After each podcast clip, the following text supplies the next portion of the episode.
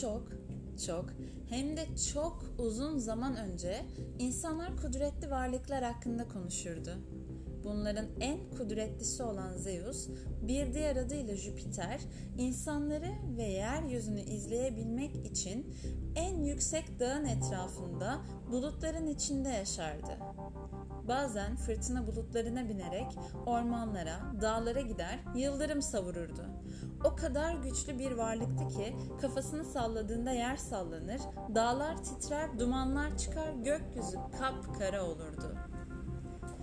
Diğer iki kudretli varlık ise Zeus'un kardeşleri Poseidon ve Hades'ti. Poseidon yani diğer adıyla Neptün denizlerin kralıydı. Denizin en dibinde mercanların arasında altından sarayında yaşardı.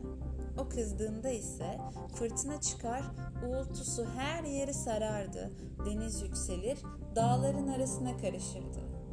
Sebeple insanlar ona yeryüzünü sallayan adını vermişti. İnsanların en sevmediği kudretli varlık ise Hades, diğer adıyla Plüton'du.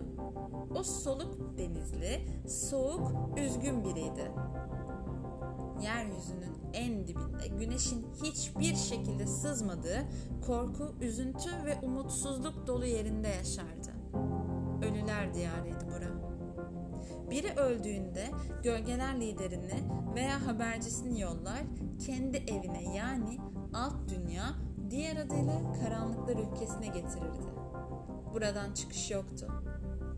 Diğer kudretli varlıklar ve maceralarını kendi anlatımımla sizlerle buluşturacağım. Umarım bu hikaye ve anlatımlar hoşunuza gider.